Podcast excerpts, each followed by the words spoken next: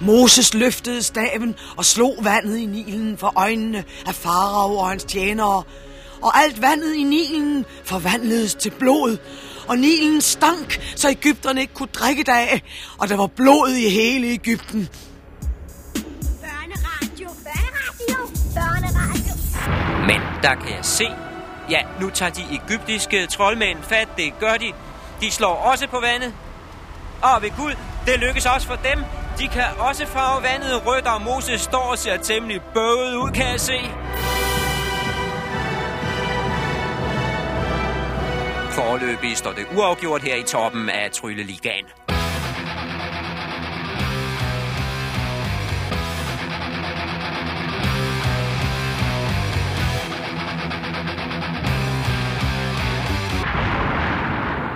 Ja, der står to hold tryllekunstnere over for hinanden på scenen, kan man sige, og konkurrerer. Ja, det, det er ikke engang noget, man kan sige. Det gør de rent faktisk her i Bibelen. Der er to, der konkurrerer. Der er nu en jødisk tryllekunstner, han hedder Moses. Og så er der nogle egyptiske koklere, som der, som der står hele tiden, eller kogler, det vil sige troldmænd. Ja. Eller tryllekunstnere. Og de prøver at lave det samme. De prøver at overgå hinanden, ikke? Og det, altså, først så lykkes det for Moses, og han slår på, på Nilens vand, og så bliver det rødt. Ja. Og så øh, tager, tager Ægypterne fat. De tryllekunstnere. De slår også på vand. Og det bliver også rødt, ikke? Ja. Så det er jo flot. De står der, 0-0 står der, ikke? Eller 1-1 kan man sige mellem de to. Det der er bare det uheldige ved det, at de stakkels mennesker i hele Ægypten, de, de skal ud og grave frisk vand op, for det der, de kan ikke drikke det der, det stinker, det er forurenet og så videre. De så ikke røre ved det, fordi det er rødt. Så der er lige et par millioner mennesker, der skal ud og, og, og, og grave brønden, bare fordi der står to tryllekunstnere og konkurrerer med hinanden. Det er sagen. Og du er her, Rie. Ja, Marie så. er helt godt klar til at læse op af Bibelen. Vi befinder os et sted i starten af anden Mosebog. Og vi skal i dag høre om, hvordan det lykkes for jøderne at slippe ud af Ægypten. Det er jo plottet her, ikke? Ja. Altså øh, Bibelens plot øh, i eventyret her, ikke? Det er, at, at, at, at jødefolket øh, bor i Ægypten. Og, øh, men at Ægypterne ikke vil lade dem tage afsted, for de vil nemlig gerne hjem til deres eget land, jøderne. Ikke? Men Ægypterne vil ikke lade dem tage afsted. De vil hellere beholde dem som slaver i Ægypten. De nægter at lade dem forlade Ægypten simpelthen. Ikke? Ja. Og så er, er historien den, at øh, nu tager Gud fat og, og terroriserer Ægypterne den ene gang efter den anden med plager. Indtil øh, Ægypterne fortryder og siger, nu kan det være nok, lad, lad, nu kan I gå. Altså, lad bare jøderne gå. Ikke? Ja. Det er sådan set det, der sker i dag. Og så er der det, at det ikke er Gud selv, der laver de der, øh, de der øh, hvad skal man sige, de plager. Han overlader det til Moses. Altså, Moses er en mellemmand, Ja. en jødisk mellemmand, som han ha- har givet jobbet, ikke? Jo. Og det er så ham, der skal lave disse her øh, plager eller mirakler. Og her er det altså noget med at slå på vandet, så det bliver rødt. Så her har vi altså øh, Moses øh, som en ren mirakelmager, sådan set, altså som laver mystiske ting, ikke? Jo. I virkeligheden har der sikkert været en Moses engang, men han har ikke været nogen mirakelmager. Han har været en sindssygt dygtig mand, for det han har gjort, det han gjorde dengang, det var at få nogle stammer, nogle beduinstammer til at samarbejde, og det er sindssygt svært, for de mennesker er stolte. Ja. De er utrolig stolte. Ja. Araber og beduinstammer i det hele taget. Ikke? Han har fået nogle stammer til at samarbejde, nemlig det, man kalder de jødiske stammer, sådan at de på et eller andet tidspunkt smeltede sammen og blev til det jødiske folk.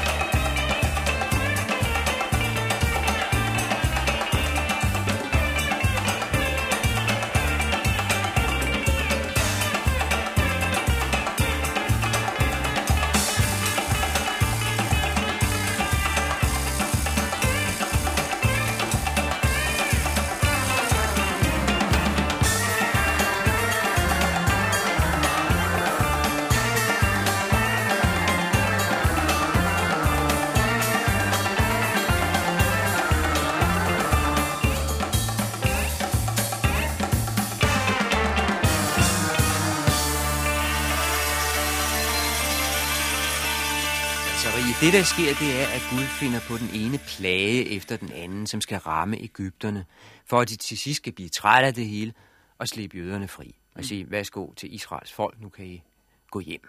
Ja. Altså, ud af Ægypten med jer. Nu har vi haft nok bøvl med jer. Nu har jeg haft nok bøv med jer, ikke? Ja. Og det, der sker hver gang, altså at Gud finder på plagen, og så er det Moses, der skal trylle den frem, så at sige. Vi har hørt om den første plage, det var den med, med Nilens vand, der blev til blodrødt. Ja. Blod, altså til, til, til blodrødt vand. Øh, og så sker der hver gang det, at, at lige når det er i gang, så bliver farve mægtig rystet over det, ikke? Ja. Og, og siger, ja, men nu kan I godt få lov til at gå, og sådan. Og så kalder Moses plagen tilbage, ikke? Og så- Og bliver alt normalt igen, og så skifter farve mening. Så kan de alligevel ikke få lov til at gå. Og det sker hver eneste gang.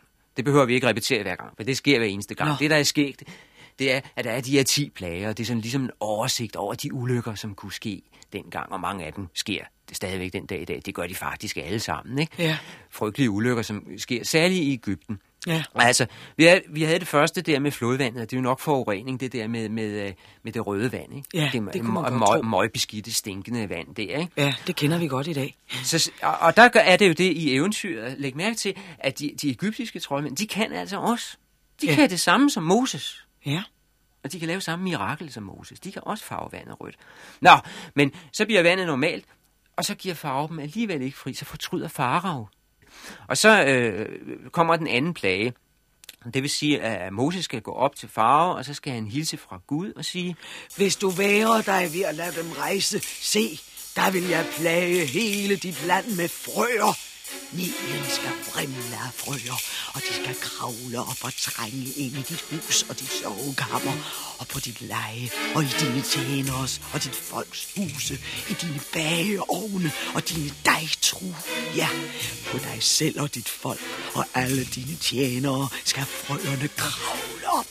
frøer og tusser over det hele, oppe i ovnene og i sengen. Ja. Hele natten. Der vrimle med, med, med, med tusser. Og det sker faktisk. Og det er den anden plage. ja.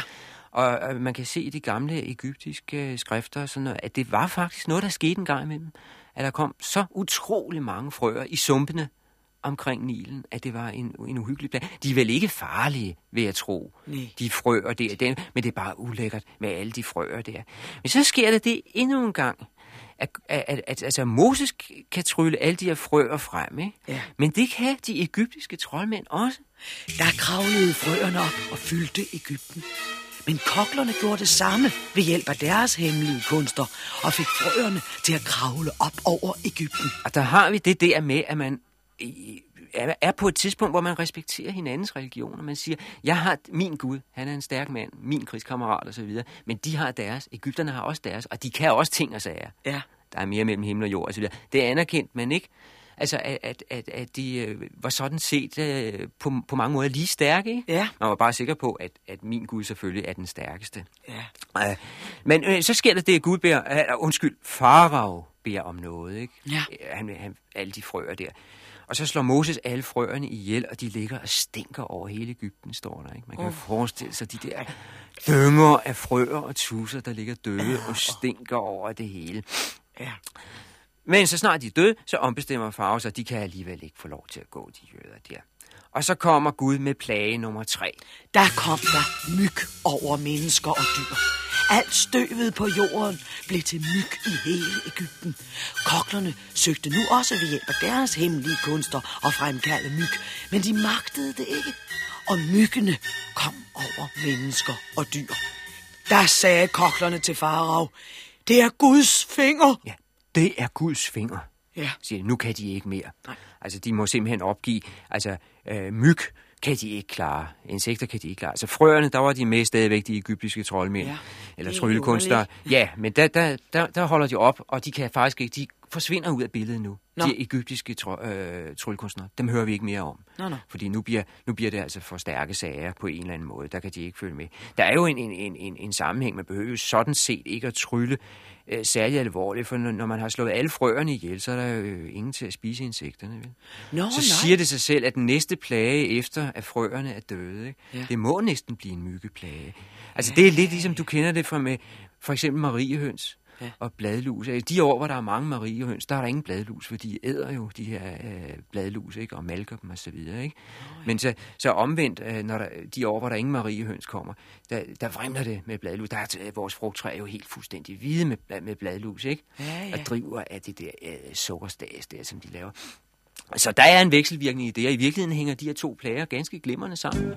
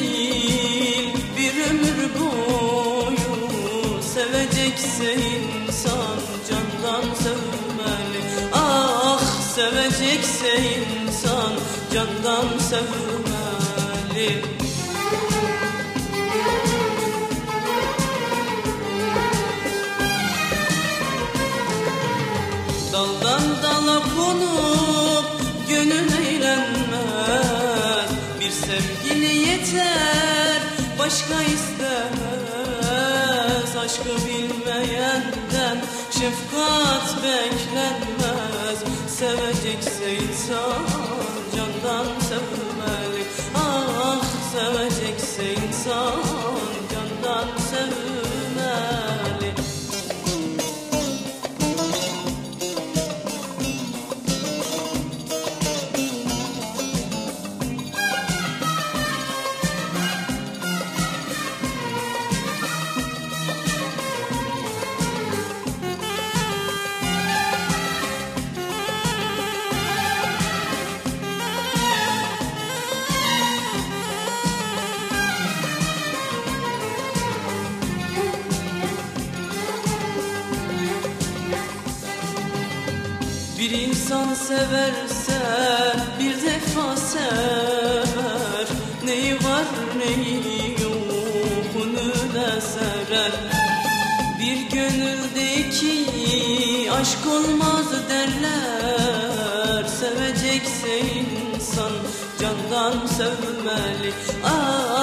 Sevecekse insan candan sevmeli.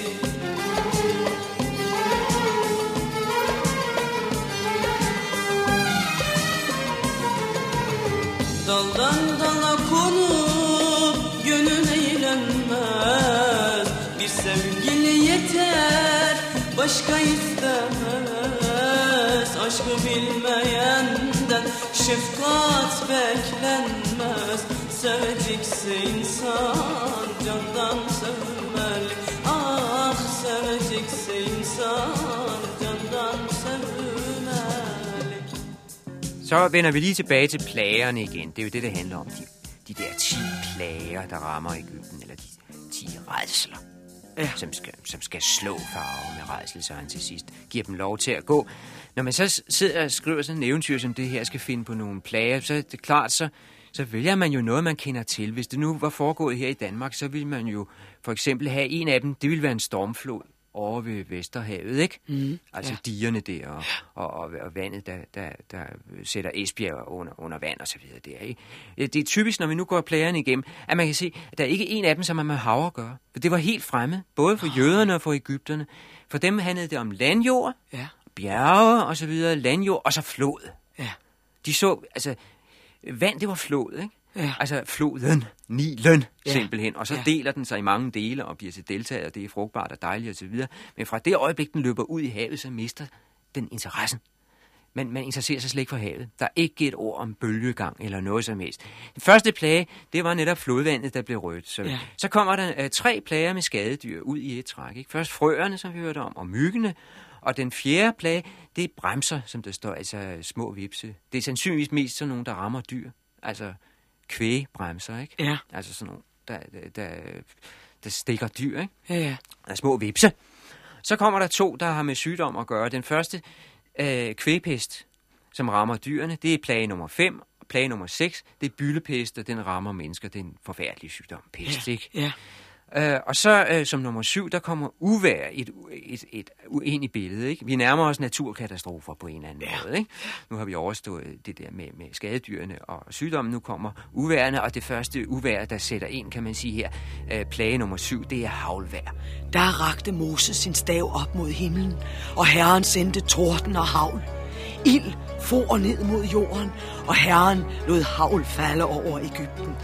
Og der kom et havlvejr med ildsluer, flammende mellem havlen så voldsomt, at det lige aldrig havde været noget sted i Ægypten, siden det blev befolket. Og i hele Ægypten slog havlen alt ned, hvad der var på marken. Både mennesker og kvæg, og alle markens urter blev slået ned af havlen, og alle markens træer blev knækket. Kun i gåsen, hvor israelitterne boede, faldt der ikke havl. Altså et havlvejr med, kombineret med torden. Et, et, et, et frygteligt uvejr, ikke? Jo. Og der er jo det, der står, at, at, at uh, markens urter blev slået ned af hav, altså kornet Ja. blev slået ned af havnen. Det kender vi jo også her i Danmark, men der rejser kornet sig jo gerne op igen. Sagen er jo, altså, at man vi, der kommer nord, nordfra og kommer ned sydpå i de tørre lande, ikke, så tror vi, at de altid vil være glade, hvis der kommer et regnvejr. Ja. Sagen er, det er de ikke. Al, hver ting til sin tid. Når der er tørvejr, så skal det være tørvejr. Jeg selv, jeg kan huske, øh, sidste år var jeg i Grækenland et sted, og, og så kom der regnvejr lige pludselig øh, midt på sommeren. Ikke? Ja. Og jeg troede, nu går alle rundt og er glade. Øh, øh, de græske bønder må være lykkelige, for nu har de fået vand og sådan noget. Så spurgte jeg dem om det. Nej, de var redselslagende, for netop, der var netop sket det, at de her voldsomme øh, havlvejr og regnvejr, det havde øh, smadret deres frugter, smadret deres appelsiner og så videre og så videre, ja, slået dem ned på jorden og sådan. ja. Så i tørre egne er det bestemt ikke altid en velsignelse. Det kan være et mareridt, at der pludselig kommer nedbør midt i det Fordi hele. det er så voldsomt. For, nej, bare fordi planterne er jo ikke indrettet til det. Nej. Planterne er jo ikke indrettet til det. De vælter ned, Ja. ganske enkelt. Ikke? Ja. Så det er ikke fordi, det her behøver at have været noget fantastisk stort havlvejr. Det kan bare have været et almindeligt havlvejr. Det er bare kommet på det forkerte tidspunkt. Ja. Det er det. Så kommer den 8. plage, fordi farve vil stadig ikke lade dem gå. Han fortryder stadig og siger, nej, I må ikke gå alligevel. Så nu sætter Gud den, den 8. plage ind, og det er skadedyr igen, Ja. nemlig græshopper. Altså de der kæmpe flokke af græshopper, som kommer ind over fra ørkenen, Ja. når det har været regnvejr inde i ørkenen i øvrigt. Det hænger måske sammen med havvejret. Når det har været regnvejr inde i ørkenen, så, så, avler, så kommer de jo i millionvis. Så vokser de op, de her græshopper, og så driver de øh, ind over. For eksempel ind over Ægypten. Der kom græshopperne over hele Ægypten, og de slog sig ned i hele Ægyptens område i uhyre mængder. Aldrig før havde der været så mange græshopper, og ingen sinde mere skal der komme så mange. Og de skjulte hele jordens overflade, så jorden blev sort af dem. Og de opåd alt, hvad der voksede i landet. Og det er jo ikke engang løgn. Det kan jo ske. Det hører man stadigvæk om, ikke? at de kommer som skyer, som Ja. vældige sorte skyer, og at de opæder alt, som vokser i landet. Det er faktisk, øh, sker det også jævnligt, ikke? Ja, jeg synes- Øh, Måske hver femte år, eller hver tiende år, eller sådan et eller andet. Så det, vi har at gøre med her, alle de øh, plager, vi har hørt om indtil nu, det er, hvad man kan kalde normale plager. Mm. Altså, det er sådan nogle, der kommer, øh, ligesom pest, ikke? Altså, kommer hver femte år, hver syvende år, eller hver tiende år. Men nu kommer vi til de to sidste plager. Plage nummer 9 og plage nummer 10. Og der er vi altså ude i det, i det unormale. Her taler om fuldstændig enestående katastrofer.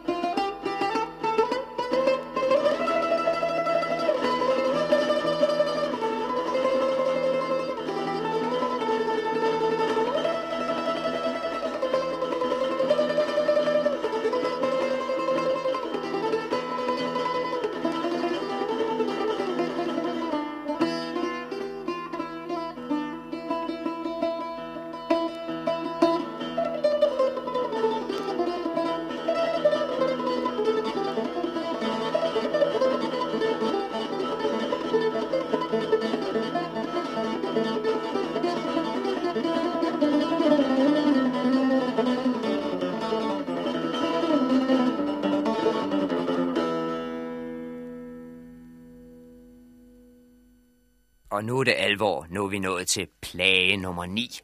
Derpå sagde Herren til Moses, Ræk din hånd op mod himlen, så skal der komme et mørke over Ægypten, som man kan tage og føle på. Ja, et mørke, man kan tage og føle på. Det står der faktisk. Et mørke, man kan tage og føle på, så det er jo ordentligt mørke, ikke? Ja. Altså, dagslyset væk, solen vil ikke skinne i flere dage. Og, og det er den plage, der skal komme. Og den kommer så også, ikke? Det mener man, man muligvis har fundet en forklaring på. Øh, sagen var, at, at øh, det største vulkanudbrud, der nogensinde har fundet sted på den nordlige halvkugle, så længe der har været mennesker i hvert fald, altså de sidste 100.000 år, den fandt sted lige netop omkring den her tid, 15-1600 år før øh, vores tidsregning. Det skete oppe lige nord for Ægypten, oppe øh, en ø, der ligger mellem Grækenland og Tyrkiet. En ø, der hedder Santorin eller Tira. En vulkanø, der simpelthen eksploderede og sendte støv ud i atmosfæren, så, så øh, himlen blev formørket, så solen blev formørket. Faktisk i lang, lang tid. Ja. Det, det skete på det tidspunkt, så det øh, behøver ikke at være et mirakel, som Gud laver, eller som Moses øh, iværksætter. Det kan være en naturkatastrofe, og der er det altså så heldigt, at øh, jeg havde faktisk en mand på stedet, da det skete. Der, der, så det ser ud som om, ja, det er, det er hele bjerget, der er eksploderet. Det hele, det er simpelthen, kan jeg se, det er hele toppen af bjerget. En 500-800 meter er, er oppe på toppen af bjerget er væk, er eksploderet væk som en kæmpemæssig hat. Hele den midterste del af øen, hele bjergtoppen med alt, hvad der ligger under den, er simpelthen røget i luften, forvandlet til et stort, rygende øh, krater. Det er svært at, at sætte kilometer og meter på, men så vidt jeg kan se, er det simpelthen en, en 15 15-20 km midt inde på øen, der simpelthen er forsvundet og forvandlet til et stort hul, mens hele byen og ryster. Husene falder sammen igen, og der hviler en kæmpemæssig paddehattesky over hele landskabet heroppe over, over bjerget, over øen. Det hele henligger i, i mørke, og skyerne driver, så vi kan se, det er som det pludselig er mørk nat her om vinteren. Skyerne driver op mod nordøst, driver med vinterblæsten op mod nordøst. Alligevel er der fuldstændig øh, mørk nat her på øen i dette øjeblik, hvor bjerget, der altid har været her, det store bjerg på midten af øen, simpelthen har fået sprunget toppen i vejret, så den er forvandlet fra et bjerg til en rygende vulkan. Der findes forskellige slags vulkaner. Og vi kender bedst den type, hvor det vælter ud med rødglødende lava. Det er dem, der findes på Island. Lava, det er stenmasse, der er blevet tyndt flydende ved ca. 1000 grader. Men de allerfleste vulkaner i verden, de skal meget højere op i temperatur, før stenmassen smelter. Der ligger en tyk prop af fast sten op i toppen af vulkanen, og den bliver ved med at være stiv og holde tæt, selvom der er over 1000 varmegrader lige nedenunder. Den hvidglødende stenmasse, den kan ikke komme fri. Det er ligesom en trykkoger. Nede i dybet begynder gasserne at koge ud af stenmassen. Svovldioxid, koldioxid. Det pipler ud af stenmassen i små bobler, der samler sig til større og større bobler. Til sidst så ligger gassen i kæmpemæssige lommer lige under proppen, og gassen bliver varmere og varmere. Før eller siden eksploderer den. På et eller andet tidspunkt springer den proppen i luften, og når det sker, så kommer det altså som en enkelt kæmpemæssig eksplosion. Det kommer ikke sådan sivende i dagevis, som lava gør. Det var det, der skete på Santorin. Gassen lå og syede, og ovenover lå der et to kilometer højt bjerg som prop. 60 kubikkilometer klippemasse. Sekundet før var den stadig fast klippe. 60 kubikkilometer. Kan man for eksempel forestille sig et tårn, der er 1 kilometer langt og 1 kilometer bredt og 60 kilometer højt. Og som så pludselig bliver sprængt i stykker som småsten, aske, støv. Hvis det var fløjet op nordpå og havde lagt sig jævnt over hele Danmark, så var laget blevet 3 meter tykt. Hele landet ville være dækket op til første sals højde. Men Danmark var heldig dengang. Asken fløj ud over havet i vældige skyer. Der faldt en halv meter på Rodos, 30 cm på Kos, og langt ind i Tyrkiet, over 300 km væk, faldt der 24 cm. Det ligger overalt på havbunden øst for over mod Kypern. Og helt nede i Ægypten, 1000 km væk. Det var den aske, som formørkede solen i tre dage, og som gjorde Moses så berømt bagefter. Men dengang var der ikke tid til at måbe over en tilfældig jødisk troldmand. Der var sket en katastrofe. Markerne var ødelagt af aske, alle steder inden for en radius af 1000 km fra Santorin. Asken, den faldt altså ned, men de fine støvpartikler, de blev hængende i luften i lang tid. Vulkanen havde slynget støvet op i 25 km højde op i stratosfæren, og der hang det og skyggede for solen i to år. Over i Amerika på den anden side af jordkloden, der var der træer, der fik frostskader to vintre i træk. Samtidig gik gasarterne på vulkanen i forbindelse med vanddråber i atmosfæren og dannede syre. Hele den nordlige halvkugle fik to år med syre regn og syre sne. Ret meget værre kan det dårligt blive. Byerne begravet, markerne ødelagt, kulde, mørke, syreregn. Findes der flere ulykker i verden? Hvad siger vores mand på stedet? Ja, nu kan jeg se det lidt fra oven, Karsten. Det er jo øh, hele krateret, som har åbnet sig ned gennem bjerget. En øh, 10-20 kilometer øh, på hver led. Et kæmpemæssigt hul øh, ned igennem bjerget, som pludselig er opstået, sådan at der er et hul, øh, som tager ned gennem øh, bjerget med fuldstændig øh, lodrette vægge, til synligheden lodrette vægge, dybt, dybt ned i en. Det er svært at se, fordi det gløder ned på bunden, der kommer røg og vælter op, man kan ikke se, hvor dybt det er, men det er helt klart meget, meget dybere end havet. Udenfor havet, der står lige ude på den anden side af kraterranden, øh, ligger vel en... Øh, 4, 5, 600 meter højere. Og spørgsmålet er, hvor længe øh, bjergvæggene på begge sider, altså kratervæggen, kan, og det kan de ikke. De kan ikke holde længere derude til syd, og der mod lidt mod nordvest. Der, bryder, der kan jeg se, der bryder i dette øjeblik, der bryder klipperne sammen og vælter ned, vælter ned i krateret og simpelthen forsvinder ned i den Ja, han bliver ved. masse på Han bliver ved ham der. Er næsten ikke til at lukke munden på. Nej, men altså, de der reporter, de er simpelthen ikke til at stoppe. det kender man Nej, det er det. Vi, vi går ud af ham her. Uh, altså, øh, man har faktisk fundet aske fra den vulkan nede i Ægypten. Nå, det har man. Så langt væk. 1000 km væk. Og, og oven i købet, der hvor jøderne boede. Ja. Altså i det der område øh, i nærheden af Gosens øh, land. Så det kan jo være i rendringen om det. En gang skete der det, at himlen blev mørk. Ja. De vidste jo ikke hvorfor. Nej. Fordi det lå trods alt øh, 1000 km væk. Men øh, himlen blev mørk, og, og, og, og høsten slog fejl. I, øh, og der, var død og ødelæggelse, kan man sige, og hungersnød over hele verden. Eller den nordlige halvkugle i hvert fald, på grund af det her, ikke? Ja. På grund af en enkelt vulkan, der røg i luften. Så lidt skal der til. Bare man sænker øh, gennemsnitstemperaturen halvanden grad eller sådan noget, så vil kornet ikke vokse, som det plejer, og så videre. Og så har man balladen. Det kan være, det kan man huske, for det, øh, det ligger bagved, øh, på en eller anden måde bag ved Bibelen. Man kunne huske, at jamen, der var noget med, at det pludselig blev mørkt.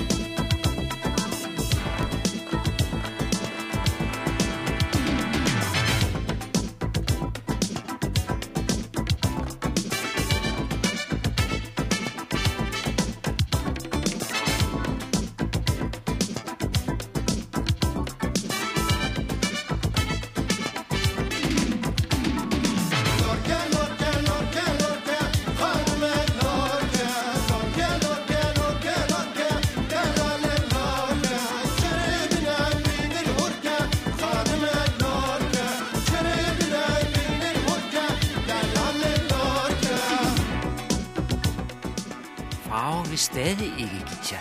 Altså selvom han nu har været udsat for, at der var mørke over hans land, og solen overhovedet ikke har skinnet på Ægypten i et stykke tid, så vil han ikke give sig. Han vil ikke, ja, det er rimelig dumt af ham, fordi ja. Nu sætter Gud nemlig tro på.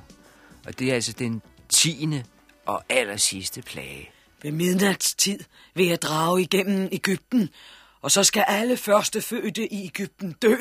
Lige fra den første fødte hos farao, der skal arve hans trone, til den første fødte hos trælkvinden, der arbejder ved håndkværnen, og alt det første fødte er kvæget. Og det er død overalt, hvad der er førstefødt, som der står. Ikke? Det er dødens engel, der skal gå igennem Ægypten den nat. Og det, det skal gå ud over, det er alt det første, som noget af hunkøn har født. Ikke? Altså, øh, den ældste søn i en familie. Den første kalv, en ko har, har født. Ikke? Og det første lam fra et får eller fra en ged. Ikke? Alt det første fødte skal dø. Der skal der i hele Ægypten lyde et klageskrig så stort, at des lige aldrig har været hørt, og aldrig mere skal høres. Men ikke en hund skal gø af nogen af israelitterne, hverken af folk eller fag, så farao skal forstå, at Herren gør skæld mellem Ægypterne og Israel. Ikke en hund skal gø.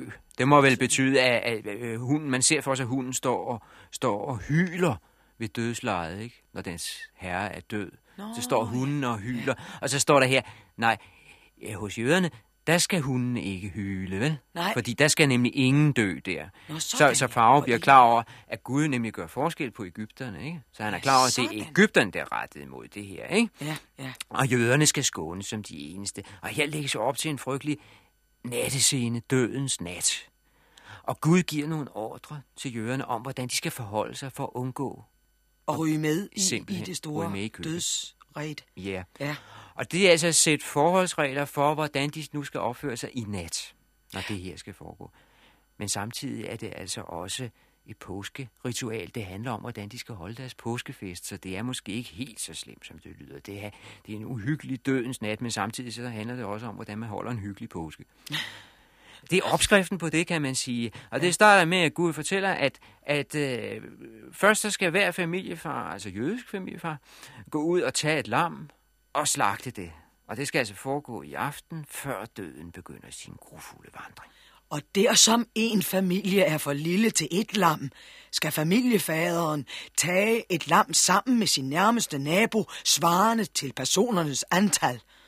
Hvor mange der skal være om et lam, skal I beregne efter, hvad hver enkelt kan spise. Altså helt praktisk det her. Der er Ja. ingen grund til at slagte mere øh, lammekød, end man kan spise op. Det undersøger man lige på forhånd. Ikke? vil der, er ingen, der er ingen grund til, at noget skal gå til spil. Det er en praktisk anvisning på, hvordan man holder påske, og hvordan de skal komme igennem den her frygtelige nat på én gang. Det er ja. de to ting på én gang. Ikke?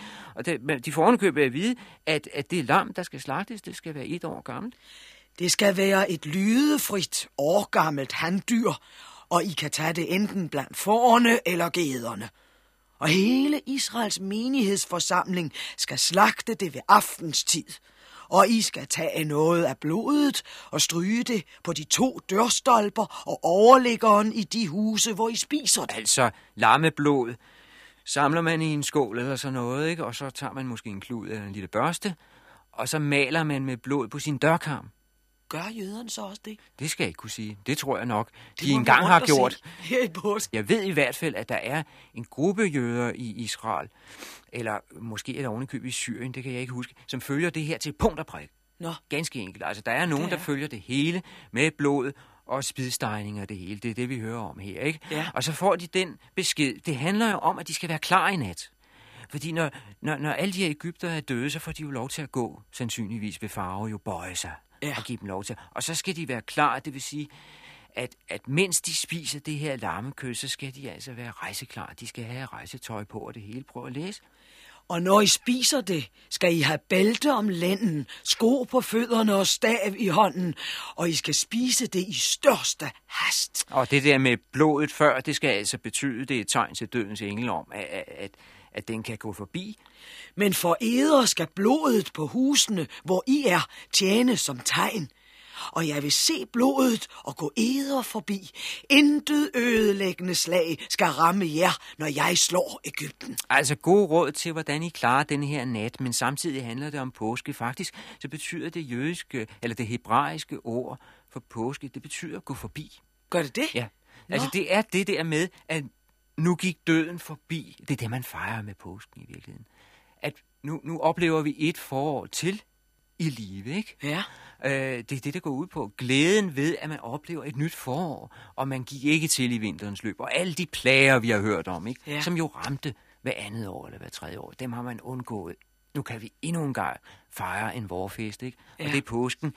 At døden, der gik forbi, det betyder påske. Det er ordets øh, betydning. Så påsken øh, er ikke bare en ferie, man holder. Nu er vi midt i påskeferien her, ikke? Ja. Det er ikke bare en ferie, man holder ikke bare fri. Der er en hel beretning bagved det. Der er en hel forklaring. Der er en hel historie bagved det. Men hvis jeg spurgte dig for eksempel, hvorfor pynter vi juletræ, ikke? Altså, så sidder man der, øh, ja, hvorfor pynter man nu juletræ? Det kan man ikke rigtig huske. Det ser meget pænt ud, men hvorfor er det nu, man gør det?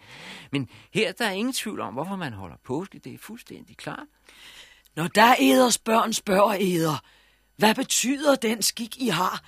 Der skal I svare, det er påskeoffer for Herren, fordi han gik israeliternes huse forbi i Ægypten, dengang han slog Ægypterne, men lod vore huse urørte.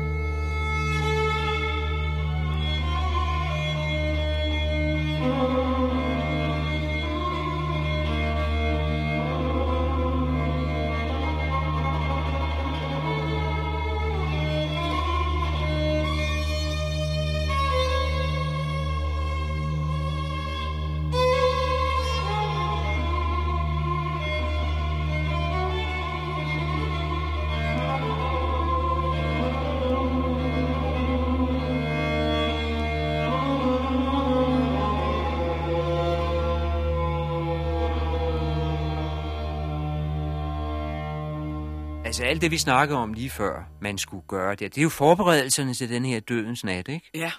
Hvor, hvor alle Ægypternes førstefødte skal dræbes. Men det er kun forberedelserne. Nu kommer vi til selve natten. Altså den tiende plage. Øh, dødens nat. Og der kan jeg lige så godt sige med det samme, at Farao rent faktisk bryder sammen, ikke? Ja. Altså, Det var også på tide. Det var på tide. Han giver sig og siger til jøden, værsgo, nu kan I godt gå, ikke? Jo. Jeg vil lige sige, det er jo et rent eventyr. Det kan vi lige holde fast ved. Det er jo en, en eventyrberetning. Det er digtet. Det er fundet på, det her, ikke? Ja. Det skal man lige vide. Men, men når man ved det, ikke? Ja. så er det flot at læse. Men ved midnatstid ihjelslog herren alle de første fødte i Ægypten, lige fra faraos første fødte, der skulle arve hans trone, til den første fødte hos fangen, der sad i fangehullet, og alt det første fødte af kvæget. Der stod farao op om natten til lige med alle sine tjenere og alle Ægypterne, og der lød et højt klageskrig i Ægypten, til der var intet hus, hvor der ikke fandtes en død. Og farao lod Moses og Aaron kalde om natten og sagde, Bryd op og drag bort, I selv og alle israelitterne. Tag også eders små kvæg og hornkvæg med og drag bort. På for at fremskynde deres afrejse fra landet, til de sagde, vi mister alle livet. Så brød israelitterne op fra Rameses til Sukkot, henved 600.000 mand til fods, for uden kvinder og børn. Desuden fulgte en stor håb sammenløbet folk med, og dertil småkvæg og hornkvæg, en vældig mængde kvæg. Den tid, israelitterne havde boet i Ægypten, udgjorde 430 år. Netop på den dag, da de 430 år var til ende, drog alle herrens herskare ud af Ægypten. En vågenat var det for herren, i hvilken han ville føre dem ud af Ægypten. Den nat er viet herren, en vågenat for alle israelitter, slægt for slægt. Ja, slægt efter slægt skal holde den her vågenat. Altså holde sig vågen hele natten. Og fejre, at det var den nat, hvor man gik ud af dødens land. Hvor døden gik en dør forbi, og man, Man kom, blev skånet. Man blev skånet, Ja. ja. og ikke nok med det, man slap ud af dødens land, altså som Ægypten, ikke? Ja. Fik, fik friheden på en måde, ikke? Det er, hvad, det er, hvad påsken handler om. Det er, så det er en elgammel fest.